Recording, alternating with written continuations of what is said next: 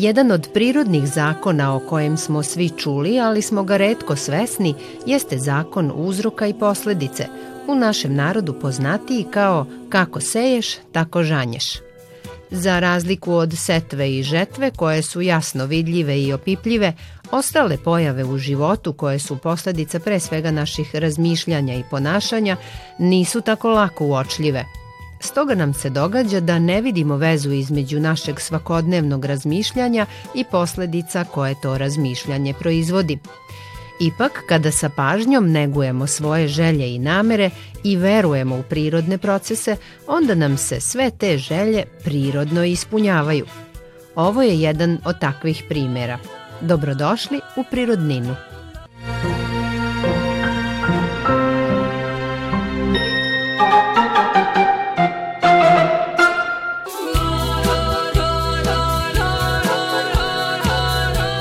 Doktorka Katarina Rakita je specijalista anesteziologije, reanimatologije i intenzivne terapije i terapeut metode porodičnih konstelacija.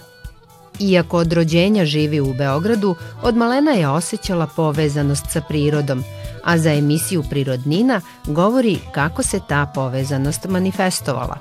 Moja povezanost sa prirodom zapravo traje od uvek, još od najmlađih dana e, mog života.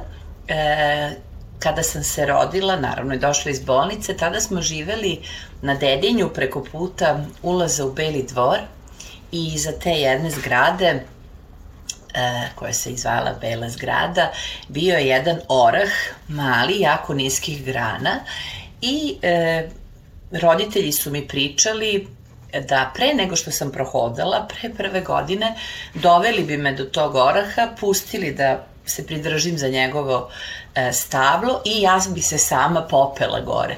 I kada sam bila najtužnija ili me nešto bolelo ili kada sam plakala kao malo dete, samo bi me doveli do tog oraha, ja bi se ozarila, popela na njega i provela minute i minute, a u kasnijim godinama i sate i sate na e, drvetu, osjećajući neku neobičnu povezanost e, sa prirodom, sa e, dodirom te drv, kore drveta, neku neobičnu energetsku napunjenost kada se nalazim na drvetu.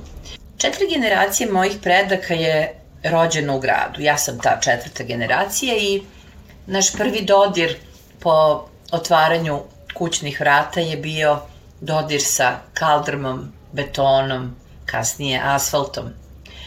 A nekako od uvek, od kako znam za sebe, ja sam imala želju da kada ustanem i izađem iz kuće da bosim nogama dodirnem travu.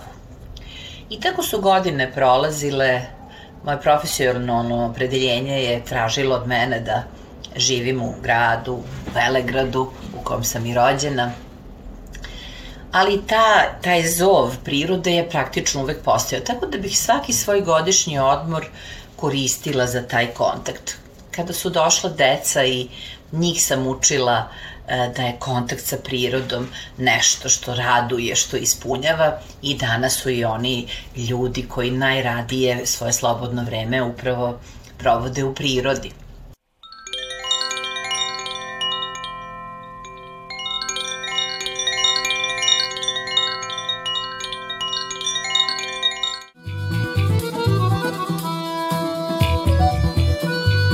Preseljenje u prirodu doktorka Katarina Rakita doživela je kao ispunjenje svojih najvećih snova, a zatim je počela i da na svojoj koži osjeća sve ono što je ranije uglavnom prisvajala kao naučeno znanje.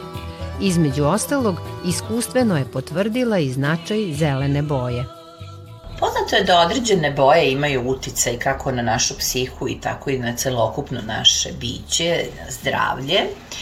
I to su stari egipćani, kinezi od vajkada znali i koristili tu e, hromoterapiju e, da postignu određene efekte, određena isceljenja. Tako se i zna da zelena boja zapravo imitira prirodu i povezuje nas sa prirodom, e, donosi smirenje, ali i isceljenje i izlečenje. Tako da nije slučajno što su sve operacione sale u bolnicama kao i uniforme, kako za osoblje, tako i oni prekrivači za pacijente, baš zelene boje. E, dokazano je da e, ljudi koji e, čitaju ili uče okruženi zelenom bojom mnogo brže pamte i mnogo bolje reprodukuju naučeno, tako da je svakako uticaj zelenog, verujem, još nije do kraja istražen, ali su njegovi pozitivni efekti mnogo ostruki. Sam boravak u prirodi, pored boje, donosi nam još mnogo, mnogo, mnogo toga. E, pre svega, e, imate utisak da učestvujete u tom ciklusu života. Meni je to nekako bilo najznačajnije. Kada sam došla na svoje imanje, nisam znala baš ništa, osim da volim da budem tu.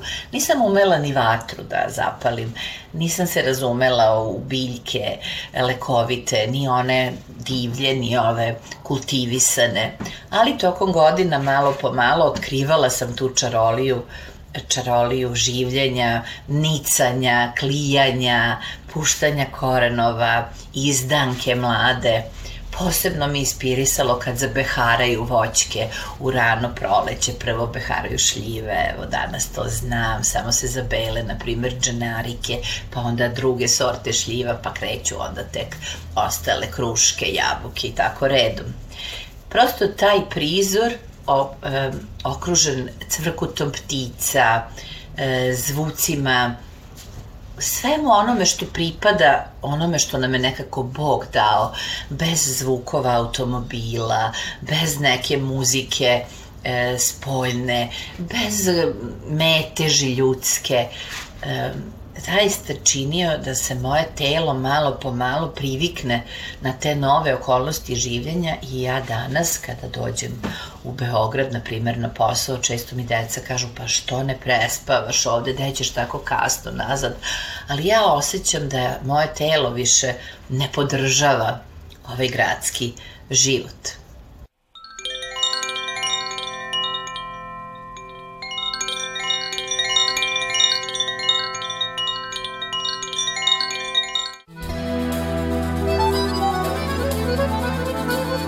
Put do sobstvenog imanja doktorki Rakiti bio je zanimljiv i živopisan, ali jedna od najvažnijih odlika tog puta bila je ispunjenost različitim, nedvosmislenim signalima koje joj je priroda na svakom koraku slala. Prateći te znake, ona je bila uverena da je na pravom putu. Imanje koje sam pronašla došlo je do mene sasvim slučajno, što bi se rekli slučom, E, jednog dana moja komšinica iz Beograda me pozvala na neki sto za masažu i e, pitala me šta radiš ovih dana i ja sam je tad rekla da već godinama unazad zapravo tražim i imam želju da nađem neki plac, neko imanje, bilo bi pogodno da ima već neku kućicu. Ja sam sama i nisam u to vreme, nisam ni slutila da ću postati neimar. E, I ona mi je rekla, pa da, evo, jedna naša rođaka prodaje baš jedno imanje, tako ima 50 i nešto ari, ima svoju šumu. Ja kad sam čula šumu, već su se onako e, nadigli, sva, sva moja čula su bila spremna. Ali kaže, nije to za tebe, to je jedno zabačeno, pa onda još i planinsko selo. Uglavnom, žena je izgovarala jednu po jednu rečenicu svega onoga što ja tražim. Ja kažem, čekaj, čekaj, kako nije za mene, pa ti kao da potpisuješ mene i zabačeno mi se dopada i planinsko mi se dopada i da imam svoju šumu, pa to je stvarno ostvarenje svih mojih snova.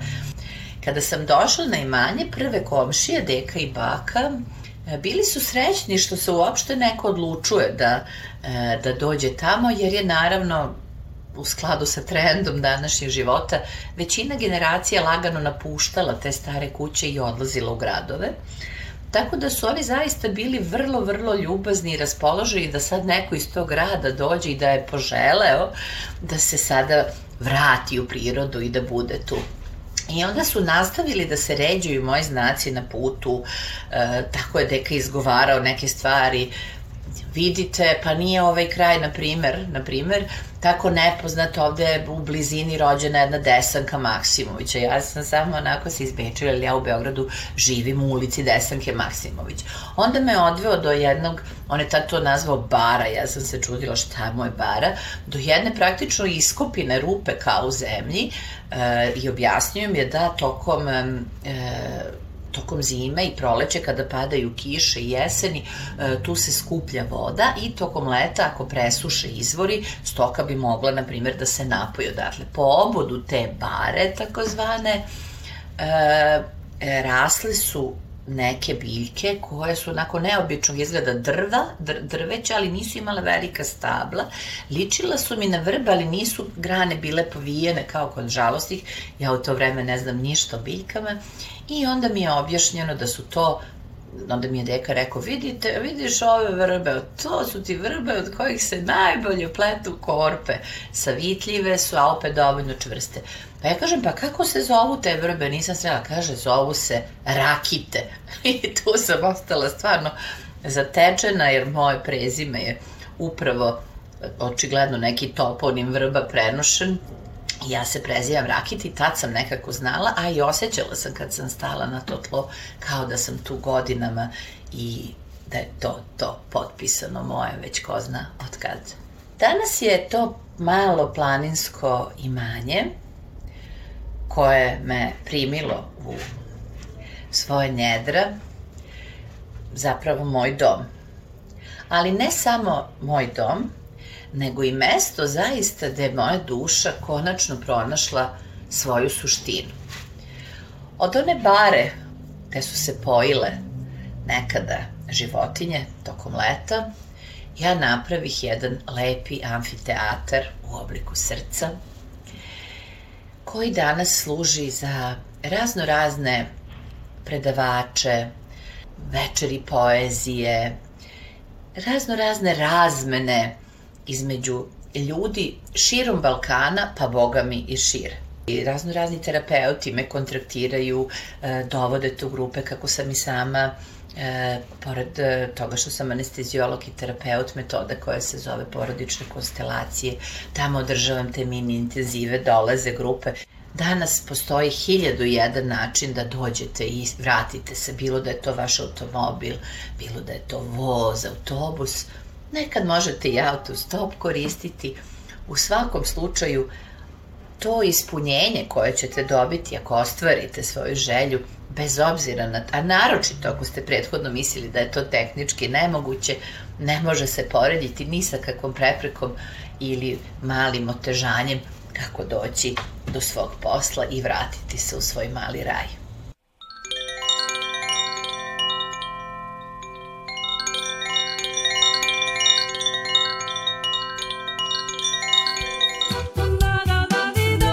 U svojoj svakodnevici često ne umemo da prepoznamo prirodni zakon uzroka i posledice, pa nam se dešava da odustanemo od nekih svojih želja, nestrpljivi jer nam se ne ostvaruju onom brzinom kojom mi to želimo. Razlog je između ostalog i protok vremena koji zamagljuje naše poimanje tog prirodnog zakona, ali i naša nesvesnost o tome šta sve nosimo u svojoj podsvesti koja zapravo upravlja našim životnim procesima. Priroda nam uvek pomaže, dajući nam subtilne signale na kakvom se putu nalazimo, a na nama je da te znake prepoznamo i da verujemo u prirodne procese. Važno je uvek imati na umu da smo neodvojivi deo prirode, pa samim tim i njenih zakonitosti. Svako dobro!